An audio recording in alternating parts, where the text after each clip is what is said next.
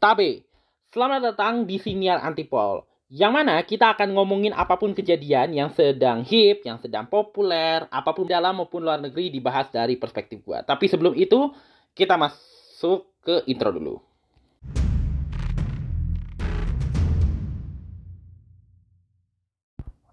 Oke, kali ini kita akan ngomongin uh, soal ini sebenarnya masih ada nyambung-nyambungnya soal masalah si Coldplay konser di Jakarta yang sempat diributin itu. Tapi kali ini isunya beda. Jadi uh, Coldplay ini kan mengadakan tour dunia mereka yang pertama. Eh, tour dunia mereka yang mana dia juga mengunjungi beberapa kota besar lah di Asia Tenggara. Uh, ada Bangkok, Kuala Lumpur, uh, Taiwan juga masuk, Singapura, termasuk Jakarta. Nah, uh, banyak dong uh, kemudian yang apa ya antusias lah terhadap uh, konser ini. Bahkan membeli tiketnya sampai ada yang sold out kan. Termasuk Jakarta akhirnya. Uh, dia kan cuma satu hari tanggal 15 November. Uh, Singapura itu November juga setahu gue itu juga habis satu hari.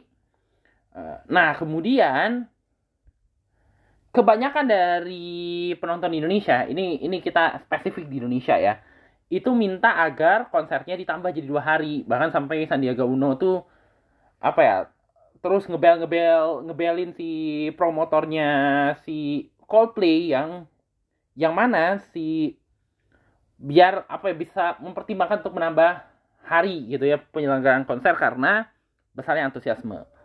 Nah, kurang lebih ini ada kayak sebulan kali ya dari uh, kurang lebih sebulan daripada penyelenggaraan itu ya. Uh, daripada penjualan yang dinyatakan sold out itu muncullah kabar ini.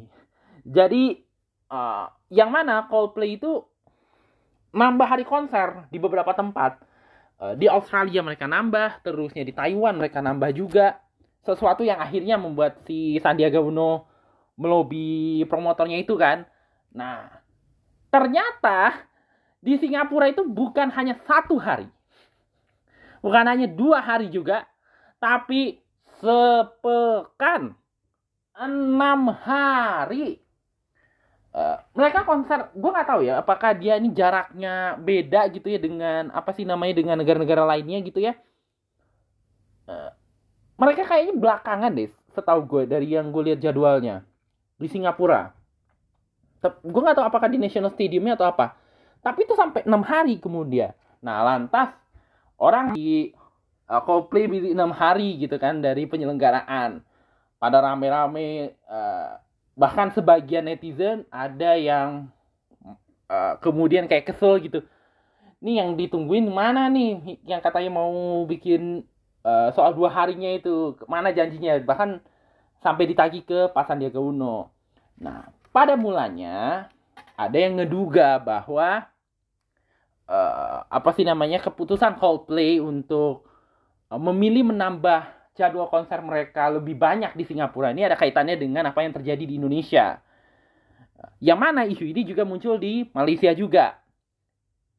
timbulnya isu uh, pro kontra terhadap Coldplay ini yang mana uh, gue pernah bahas juga di senior gue yang tentang konser Coldplay yang mana uh, ada beberapa pihak walaupun cuma satu pihak doang yang uh, mau bikin gerakan untuk menghadang konser itu terjadi karena isu LGBT dan segala macamnya bahkan akhirnya si Chris Martin bilang bahwa kami menghormati kok yang apa sih namanya yang menolak Eh, pihak-pihak uh, yang menolak kehadirannya karena ya mungkin mereka tidak tahu musik kami gitu.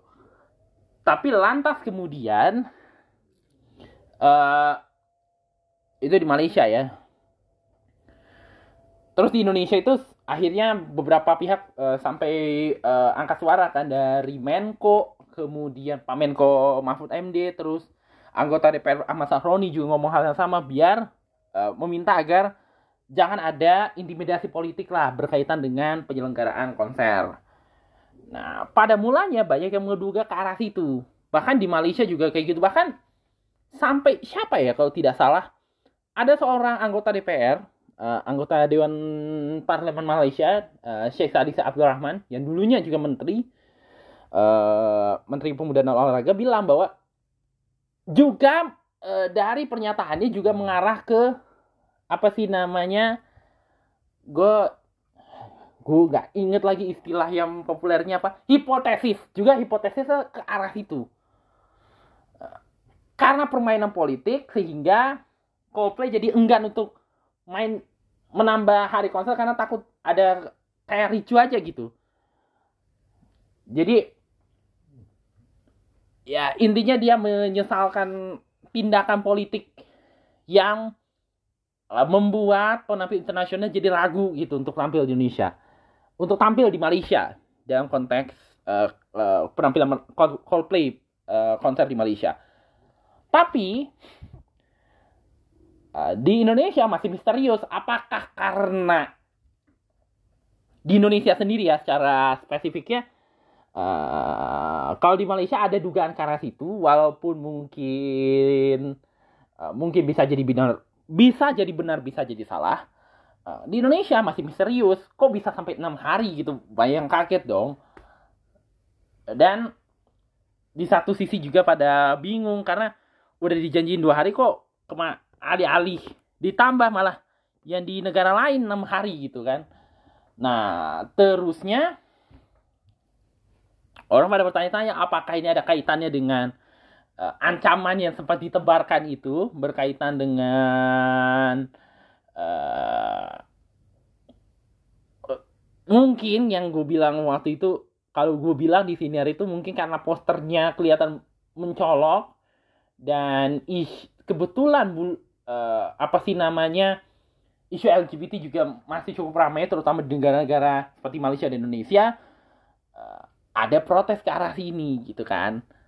Uh, takut menyebarkan sesuatu yang tidak sesuai dengan nilai gitu kurang lebihnya Sampai kemudian gue lupa tweetnya kayak gimana secara persisnya, tapi tweet itu muncul tweet ini. Uh, siapa yang nge-tweet ya? Gue coba uh, coba inget balik tweetnya. Jadi gue terbaca tweet. Tweet ini datang dari seseorang uh, namanya Yanuar Nugroho. Iya, Yanuar Nugroho. Gue pernah lihat tweetnya uh, Yanuar Nugroho ini dulunya adalah stafnya Pak Jokowi ya, staf khusus kepresidenan. Nah, dia ternyata ada kayak screen capture. Lu nanti coba cari sendiri deh tweetnya Pak Yanuar Nugroho mengenai Coldplay.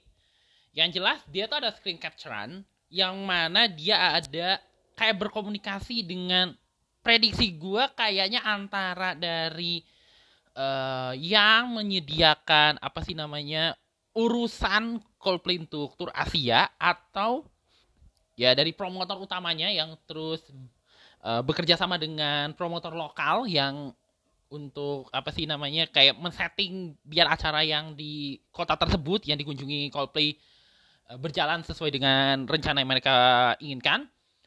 Uh, terusnya prediksi gue antara uh, dia kan si Coldplay itu kan menggandeng Live Nation ya untuk uh, sebagai promotor resmi. Live Nation kan udah internasional banget ya untuk urusan uh, pertunjukan untuk urusan bahkan gue pernah denger di siniar ya di siniar atau di video Panji yang dibilang uh, bukan hanya bisnis uh, dia kayak apa sih kayak leading dalam bidang show entertainment and showbiz business gitu atau entertainment and showbiz industry. Sebenarnya kan showbiz itu kan show business sebenarnya. Uh, dia megang IO, terus dia ternyata juga belakang mengakuisisi hall, terus mengakuisisi situs tiket sehingga apa ya udah terintegrasi aja gitu, integrated bisnis aja gitu. Jadi tiket uh, punya sendiri, hall punya sendiri, terus event juga apa sih promotor dia punya sendiri, IO-nya punya sendiri. Nah, Live Nation ini udah global banget gitu. Dan kebetulan Live Nation ini adalah partner internasionalnya Coldplay untuk tour asli gue juga tour global yang mereka lakukan. Uh, mungkin di antara si Live Nation atau dan atau uh, representatifnya Coldplay. Nah terus di capturean itu uh, ada obrolan yang mengatakan bahwa Coldplay itu dalam menentukan apa sih namanya uh, tempat yang akan dikunjungi gitu ya kurang lebihnya dia mempertimbangkan bukan hanya soal antusiasme. Biasanya kan gini ya uh, mungkin kita kalau uh, sering ya terutama sekali kita yang awam-awam pasti menir, uh, sering melihat kalau misalnya ada konser gitu ya ada sesu, uh, seorang musisi seorang uh, penghibur ingin mengadakan satu pertunjukan besar atau mengadakan tour untuk pertunjukan besar bisa jadi karena beberapa hal. A karena dia ada album baru dan pengen uh, mem apa sih namanya mengenalkan gitu ya mempromosikan albumnya secara lebih luas lagi ke kalangan pen, uh, masyarakat terutama yang meminati dia. Uh, B uh, karena kerinduan atau misalnya uh, mungkin nostalgia masa lalu dan segala macamnya dan ada kerinduan daripada fansnya untuk mereka tampil lagi kayak uh, Sila on Seven, Dewa 19 kan konsernya berseri-seri kan. Bahkan konser 30 tahunnya Dewa 19 aja oh, sekarang udah ada seri barunya lagi gitu. Si Dewa 19 terusnya yang Sila on Seven juga beberapa kali uh, tampil di festival tampil bikin konser ulang tahun juga.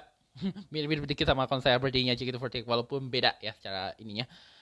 Terus konser mereka di Jakarta tanpa promosi tanpa inian segala macem bisa sold out bahkan sampai orang seperti Aulia Ucup aja yang megang pesta pora aja sampai terheran-heran itu. Itu itu tadi ya yang uh, A itu karena memang ini ada album baru atau ada sesuatu keluaran baru lagu atau single atau extended playlist baru yang mau diperkenalkan kepada publik gitu. Makanya dia bikin konser ataupun bikin tour uh, atau memang kerinduan aja gitu. Karena mungkin mereka jarang uh, bikin album tapi namanya lagi naik. Ada kerinduan daripada fansnya untuk uh, nostalgia sekaligus mungkin juga mengenalkan uh, vokali musikalitas mereka kepada generasi yang sekarang pendengar yang sekarang. Terutama sekali karena kan cukup banyak ya fenomena uh, musisi yang udah 20-30 tahun tapi bisa menarik pendengar-pendengar dari kalangan muda gitu yang mungkin tidak bersentuhan langsung dengan si musisi tersebut. Atau C, ya mereka apa ya? Karena ada kerinduan untuk tur aja gitu musisi-musisi ini. Dan mungkin juga karena fansnya cukup besar, potensi pasarnya dan kebetulan lagu mereka lagi viral di sana. Uh, kayak dulu Mas Du pernah jadi tampil di salah satu acara di Jakarta uh, karena lagunya cukup populer di TikTok terus udah berkali-kali mungkin ya musisi dari Korea uh, wirawiri ke Indonesia karena besarnya uh, K-pop gitu ya dalam uh, minat masyarakat terhadap K-pop. Dan juga cukup banyak juga yang nontonin atau menyaksikan pertunjukan mereka gitu ya. Ya tiga itu aja. Antara memang mereka ada album baru dan pengen membawakannya dalam sebuah pertunjukan nostalgia fans atau ya dia pengen moodnya aja pengen apa sih namanya bikin tour aja gitu. Dan yang dia tadi yaitu minat fans gitu. Kita yang awam sering apa ya berpikir oh mungkin karena kalau artis internasional datang ke sini ya mungkin karena fansnya banyak lagunya juga cukup dikenal masyarakat sehingga mereka mendatang.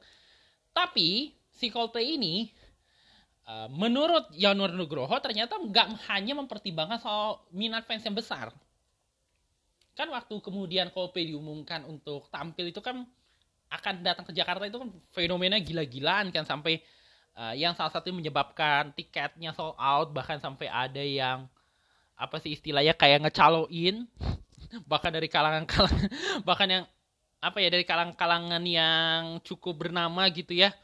Bahkan ada juga yang karena motif balas dendam juga. Nah tapi bukan itu. Uh, untuk satu kota dipilih dan dipertimbangkan untuk digelar acara tersebut bahkan mempertimbangkan beberapa aspek geologis dan geopolitik.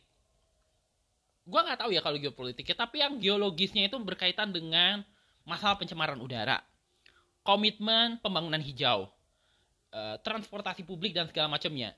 Intinya ada beberapa lah gitu. Nah, kita kan udah tahu ya beberapa hari terakhir ini kan Jakarta sering disorot karena polusinya tinggi banget sebenarnya udah dari beberapa tahun yang lalu gitu ya. Bahkan beberapa kali menjadi jawara Asia Tenggara untuk kota paling polutif gitu ya. Dan sebenarnya ini masalah yang sudah berlarutan dari 30 tahun yang lalu sebenarnya. Bahkan mungkin 40 tahun. Uh, iya 30-an tahun. Karena pertama kali diangkat isu ini tahun 90-an salah satunya sama Erik Prastia kan. Dia buat foto tentang ada polisi. Uh, apa sih namanya pakai kayak masker khusus buat polisi udara karena pol polutannya itu gila banget di Jakarta pada zamannya. Mungkin sekarang mungkin agak mendingan ya tapi dulu tuh gila banget gitu. Nah terus kemudian orang langsung pada berpikir oh jadi bukan karena politik-politik kan sebab lain gitu? Iya kan? Terus orang pada kebingungan kan? Dan ya intinya keramaiannya gila uh, cukup besar lah terhadap hal ini terus kemudian belakangan beberapa hari kemudian si uh, si Taylor Swift kan mengumumkan akan konser gitu yang mana uh, dia juga tur kan tahun ini uh, tahun depan lebih tepatnya untuk Asia Tenggara dan Asia itu cuma dua kota yang didatengin. Tokyo di Asia Timur dan Asia Tenggara tuh Singapura. Bahkan Singapura ditambah enam hari juga. Abis itu ramai lagi. Belum selesai masalahnya si Coldplay, datang lagi masalahnya Taylor Swift ya bikin konser sepekan di Singapura. Nah, publik bertanya-tanya, ada apa nih dengan Singapura? Uh, kok bisa sampai apa sih istilahnya kayak Eh, penampil-penampil ini gitu ya uh, bisa diistilahnya tuh betah untuk konser di sana gitu ketimbang di negara-negara yang sebenarnya minatnya besar. Bahkan mungkin untuk negara Indonesia uh, peminatnya bisa dibilang potensi pasar besar gitu. Jumlah penduduk paling banyak dan segala macam. Tapi kenapa Singap uh, Singapura yang penduduknya nggak besar-besar amat justru yang dipilih gitu? Yang dipilih itu untuk konser itu negara yang uh, secara penduduk gak banyak yang lebih dipilih daripada negara yang mungkin potensi pasarnya masih besar banget karena penduduknya gede gitu. 270 juta kan. Nah itu yang akhirnya jadi diskursus ya berkembang kemudiannya gara-gara masalah perdebatan mengenai kenapa Coldplay nggak nambah hari di beberapa negara tapi di Singapura tuh ditambah sampai seminggu gitu kurang lebihnya. Apakah karena A mungkin Singapura hanya pinter gitu ya dalam bisnis dan kita memang sudah mengenal lama Singapura ya dengan uh, kecerdikannya dalam strategi uh, memasarkan dirinya terusnya dalam strategi untuk apa sih namanya menggait investor gitu ya menggait penanaman modal ke sana uh, atau sebab lain gitu ya atau ada faktor X yang mungkin menjadi penyebab utamanya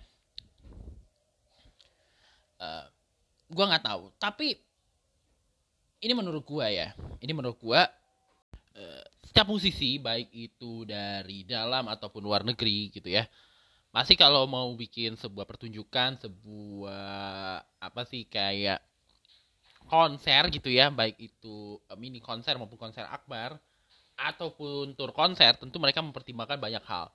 Dan tentu setiap musisi juga punya impian uh, ini gak eksklusif Indonesia aja di luar negeri juga bahwa bisa uh, apa ya kayak menjadi pencapaian terbesar mereka gitu kurang lebihnya dari dulu sampai sekarang seperti itu nah nah ngomong-ngomong soal konsernya uh, tapi balik lagi konsernya tentu mereka punya pertimbangan-pertimbangan uh, yang mana pertimbangan itu uh, menjadi alasan mereka memilih apakah dia memilih kota ini ataupun tidak memilih kota ini untuk dikunjungi.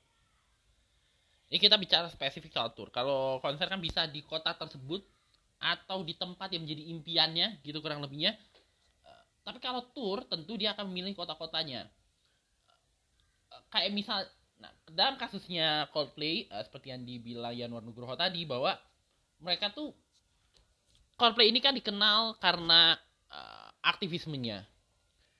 Salah satu aktivismenya adalah dalam berkaitan uh, aktivisme sosial, lingkungan hidup dan segala macamnya. Kalau benar apa yang dilakukan itu berarti ada sisi yang mesti kita perbaiki daripada uh, sistem bagaimana kita apa ya istilahnya memperbaiki iklim uh, usaha di Indonesia. Apalagi kalau konsernya konsepnya luar ruang kayak di stadion dan sebagainya.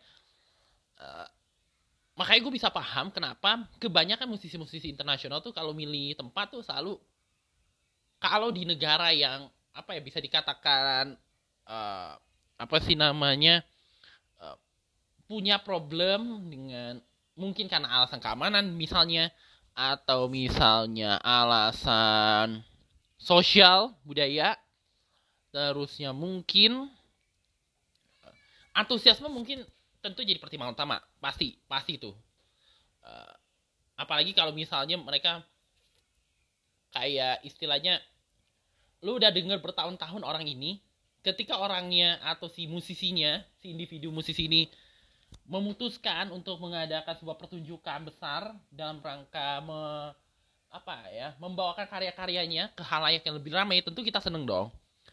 Nah tapi itu nggak nggak hanya jadi pertimbangan soal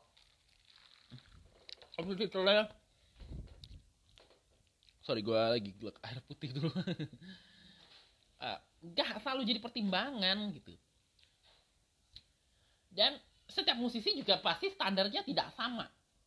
Antara Coldplay dengan Taylor Swift mungkin juga tidak sama gitu. Uh, apa sih nama standar untuk mereka menggelar konser gitu.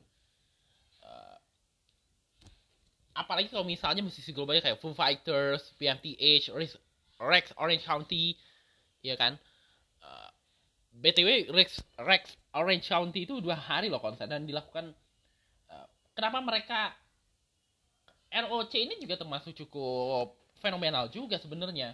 Bisa aja dia bikin konser di GBK gitu kan misalnya misalnya. Tapi kenapa dipilih uh, ruangan tertutup seperti BCT International Stadium atau misalnya uh, Indonesia Arena kalau sudah bisa digunakan kelak uh, tentu mereka punya pertimbangan gitu. Mungkin karena situasi polusinya yang kurang baik gitu mungkin akan mempengaruhi apa ya kondisi kesehatan kru. Karena kan tur dunia kan pasti capek ya. Mesti fit kan. Kalau lu masuk uh, lu harus fit gitu ya dalam menjalankan dan disiplin menjaga kesehatan jaga pola makan segala macamnya. Tapi lu berada di kota di mana masalah politiknya itu masih jadi PR besar gitu ya lucu juga. Makanya mungkin bisa dipahami juga kenapa Coldplay tidak tidak memperbanyak gitu ya konser uh, mereka gitu ya. Nggak nggak kayak Singapura yang ditambah enam hari atau City ditambah dua hari gitu ya. Minat pasti akan jadi pertimbangan tapi kadang-kadang faktor-faktor seperti uh, kondisi lingkungan geologi geografis apa geopolitik itu juga bisa jadi pertimbangan. Uh, geopolitik kita bisa bicara soal situasi uh, yang kerasa di dalam di akar rumput gitu ya atau yang terlihat gitu ya dari pemberitaan-pemberitaan yang uh, terhadap negara kita gitu atau mungkin negara lain gitu ya bisa jadi pertimbangan untuk sebuah uh, kota dipilih untuk tur misalnya. Uh, pernah pada satu masa gue gue pernah nulis di blog uh, ini rada-rada sotoy juga. Dan gue juga ngakuin untuk untuk sini aja mungkin gue agak sedikit sotoy juga untuk ber, beropini ya. Tapi pernah satu masa uh, apa sih istilahnya kita tuh nyaris jarang banget ditatengin artis global. Ini sekitaran ya abis pilkada Jakarta lah gitu. Pernah pada satu masa dan gue bilang apakah ini nggak buruk gitu dalam tempat pariwisata? Karena di sisi lain yang terlibat dengan masalah ini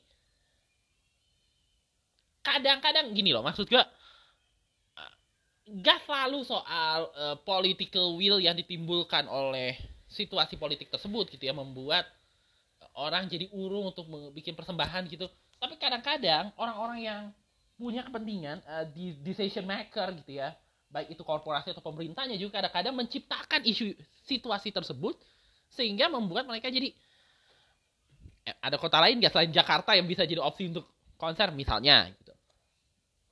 Tapi ya jawaban pastinya adalah tentu uh, soal kenapa Coldplay memilih enam hari gitu ya uh, menggelar pertunjukannya di uh, Singapura ketimbang menambah hari di negara-negara kayak Malaysia, Indonesia bisa karena banyak faktor gitu. Tapi kalau iya seperti yang tadi diungkapkan Bang Yanuar Nugroho gitu karena faktor lingkungan berarti memang kita, ada sisi birokrasi uh, perizinan konser dan uh, kebijakan gitu ya kebijakan lingkungan atau kebijakan kita atau langkah kita yang dirasa oleh musisi ini kurang berpihak pada lingkungan. Bisa jadi. Dan ini pernah terjadi. Waktu itu siapa ya? Gue pernah denger. Ada satu wawancara dulu uh, Andi F. Noya pernah wawancara uh, Peter Gonta. Peter Gonta ini pem, uh, seorang kita bisa menyebutnya sebagai tokoh pertelevisian nasional tokoh media nasional. Juga dia uh, penyelenggara di Java Jazz. Satu ketika dia mau mendatangkan Santana. Santana ini kayak musisi jazz yang cukup populer lah di Amerika Latin. Uh, satu hari. Nah, berkali-kali mereka mau apa sih istilahnya uh, mau mendatangkan Santana itu nggak pernah nggak pernah berhasil gitu. Karena Santana agak apa ya istilahnya? Kayak Santana tuh masih ada sepertinya. Santana ini kan juga ada kepedulian terhadap lingkungan. Agak mirip nih kasusnya sama Coldplay.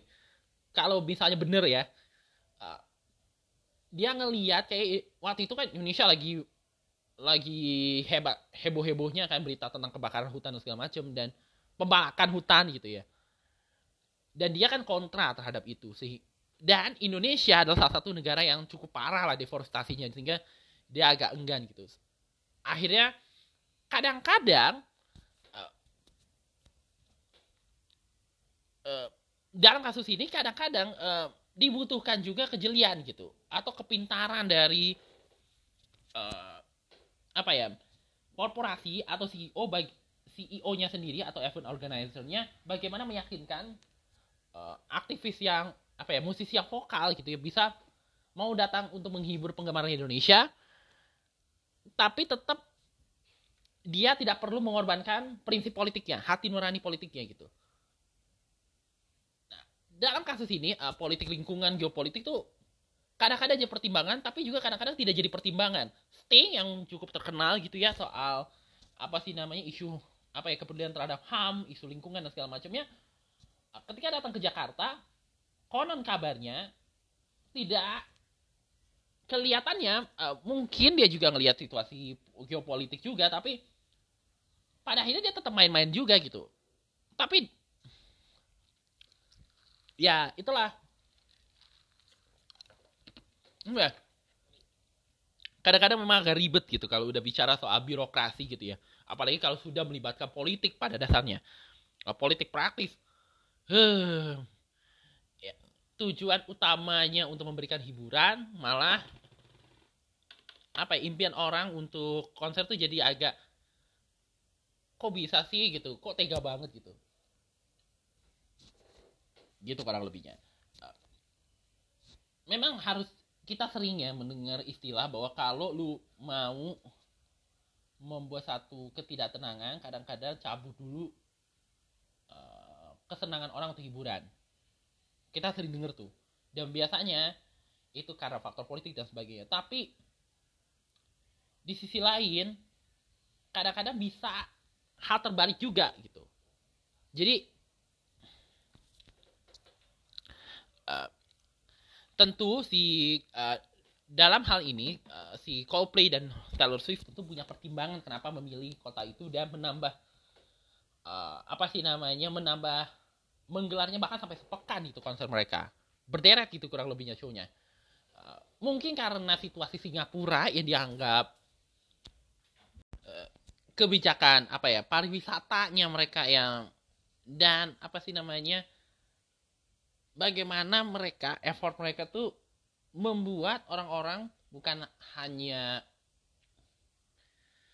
apa ya istilahnya kayak cara mereka mempromosikan pariwisata dan investasinya tuh gila-gilaan gitu loh. Dan uh, bisa dibilang kan Singapura itu kan dari dulu memang salah satu negara yang cukup maju secara ekonomi gitu. Dan mungkin stabil gitu ya secara politik geopolitik dan segala macamnya sehingga nggak heran orang bisa menanamkan duitnya di situ apa ya orang bisa apa sih istilahnya berinvestasi gitu ya membangun apa ya uh, pusat perkantoran di situ termasuk juga dalam kegiatan-kegiatan uh, konser dan segala macamnya. Kan itu bagian dari promosi wisata juga gitu. Dan tentu yang jadi tantangan gitu ke depannya bagaimana uh, kita sering banget kan uh, menggaungkan bagaimana memajukan pariwisata dan ekonomi kreatif. Mestinya ke depannya kebijakan pariwisata dan ekonomi kreatif itu bukan untuk apa ya istilahnya kayak uh, untuk jualan kampanye semata gitu. Tapi bener-bener diseriuskan gitu. Bagaimana menciptakan iklim yang sehat atau misalnya bagaimana membangun apa sih namanya kemudahan dalam perizinan dan segala macamnya bagaimana mereka tidak ada tekanan ataupun dipastikan penampil-penampil ini atau representatif mereka tidak ditekan untuk memilih eh, tempat yang dikehendaki. Mereka punya kebebasan untuk memilih tempat sesuai dengan standar yang mereka punya. Gitu loh. Sehingga ke depannya, apa istilahnya ya? Bener-bener tuh uh, kita punya potensi besar. Uh, gak usah jauh-jauh deh, Jakarta kan cukup banyak ya tempat-tempat yang memang bisa digunakan untuk konser. Kayak di GBK, kita punya Indonesia Arena, Istora, JCC, eh, tenis indoor, tenis outdoor, uh, terus ya ada G Expo, ada BCIS, ada Stadion Madia, ada di Casablanca, itu convention center convention center tuh yang bisa nampung 3.000 sampai 20.000 gitu ya. Termasuk JIS juga, kan JIS juga direncanakan tuh bisa juga digunakan untuk arena konser dan segala macamnya. Yang berarti mereka tuh harusnya dikasih kebebasan gitu. Bukannya malah kamu harus di tempat ini jangan di tempat itu bla bla bla bla segala macam gitu. Atas faktor revenge politik dan segala macamnya gitu. Diberikan kebebasan. Nah ini bisa jadi salah satu bagaimana uh, relaksasi prosedur uh, perizinan itu dan juga pe, apa namanya relaksasi birokrasinya harus benar-benar ditata gitu. Kalau memang kita ingin memperbanyak acara gitu ya untuk tujuan meningkatkan minat orang untuk datang ke Indonesia gitu, ya berarti aturan-aturannya mesti beresin gitu. Wong kita punya undang-undang aja kadang-kadang suka diributin gitu ya dengan alasan politik-politik yang tidak munasabah gitu. Nggak heran kalau uh, mereka kadang-kadang bisa antara yang mungkin terpaksa yaitu tadi antara memperhatikan geopolitik dan memperhatikan fans. Dua sisi yang kadang-kadang jadi sulit gitu. Jadi kesimpulannya adalah uh, dari pembahasan kita adalah semua musisi baik itu dalam dan luar negeri itu tentu punya pertimbangan gitu ya. Setiap kali mau bikin acara bikin tour bikin konser ataupun bikin persembahan mini gitu misalnya mereka tentu dalam pemilihan kota dalam pemilihan tempat untuk mereka menyelenggarakan acara tersebut itu mereka punya pertimbangan-pertimbangan baik itu dari segi geopolitik dari segi apa sih namanya eh, situasi dalam negara ataupun bisa juga kan ya nggak terlalu peduli yang penting cuan gitu. Ada kan yang kayak gitu juga. Uh, tapi di sisi lain kita perlu apa sih namanya pertama perlu kepintaran IO gitu dalam meyakinkan dan menegosiasikan uh, hal-hal yang kadang-kadang menjadi menjegal gitu ya para musisi-musisi ini untuk tampil gitu.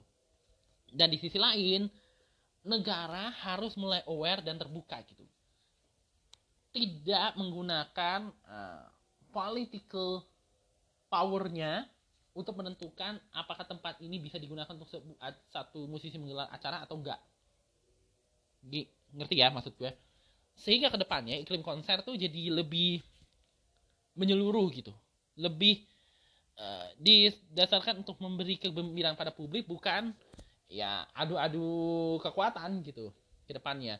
Sehingga para musisi-musisi ini terutama dari luar merasa nyaman untuk menggelar pertunjukan di Indonesia dan tentu akan ada keinginan untuk datang lagi gitu loh. Uh, panjangnya pembahasannya dan rada rumit tapi semoga pembahasan ini bermanfaat kalau misalnya ada kalimat-kalimat yang keliru dan uh, mungkin tidak berkenan ya anggap aja itu uh, curcolan saya aja gitu ya atau anggap aja ya mungkin emosi pribadi kadang-kadang uh, tapi uh, akan banyak lagi hal yang akan kita bahas. Dan sampai bertemu kembali di siniar kita sam sampai dulu di sini kita bertemu kembali di episode episode berikutnya dari siniar antipol new era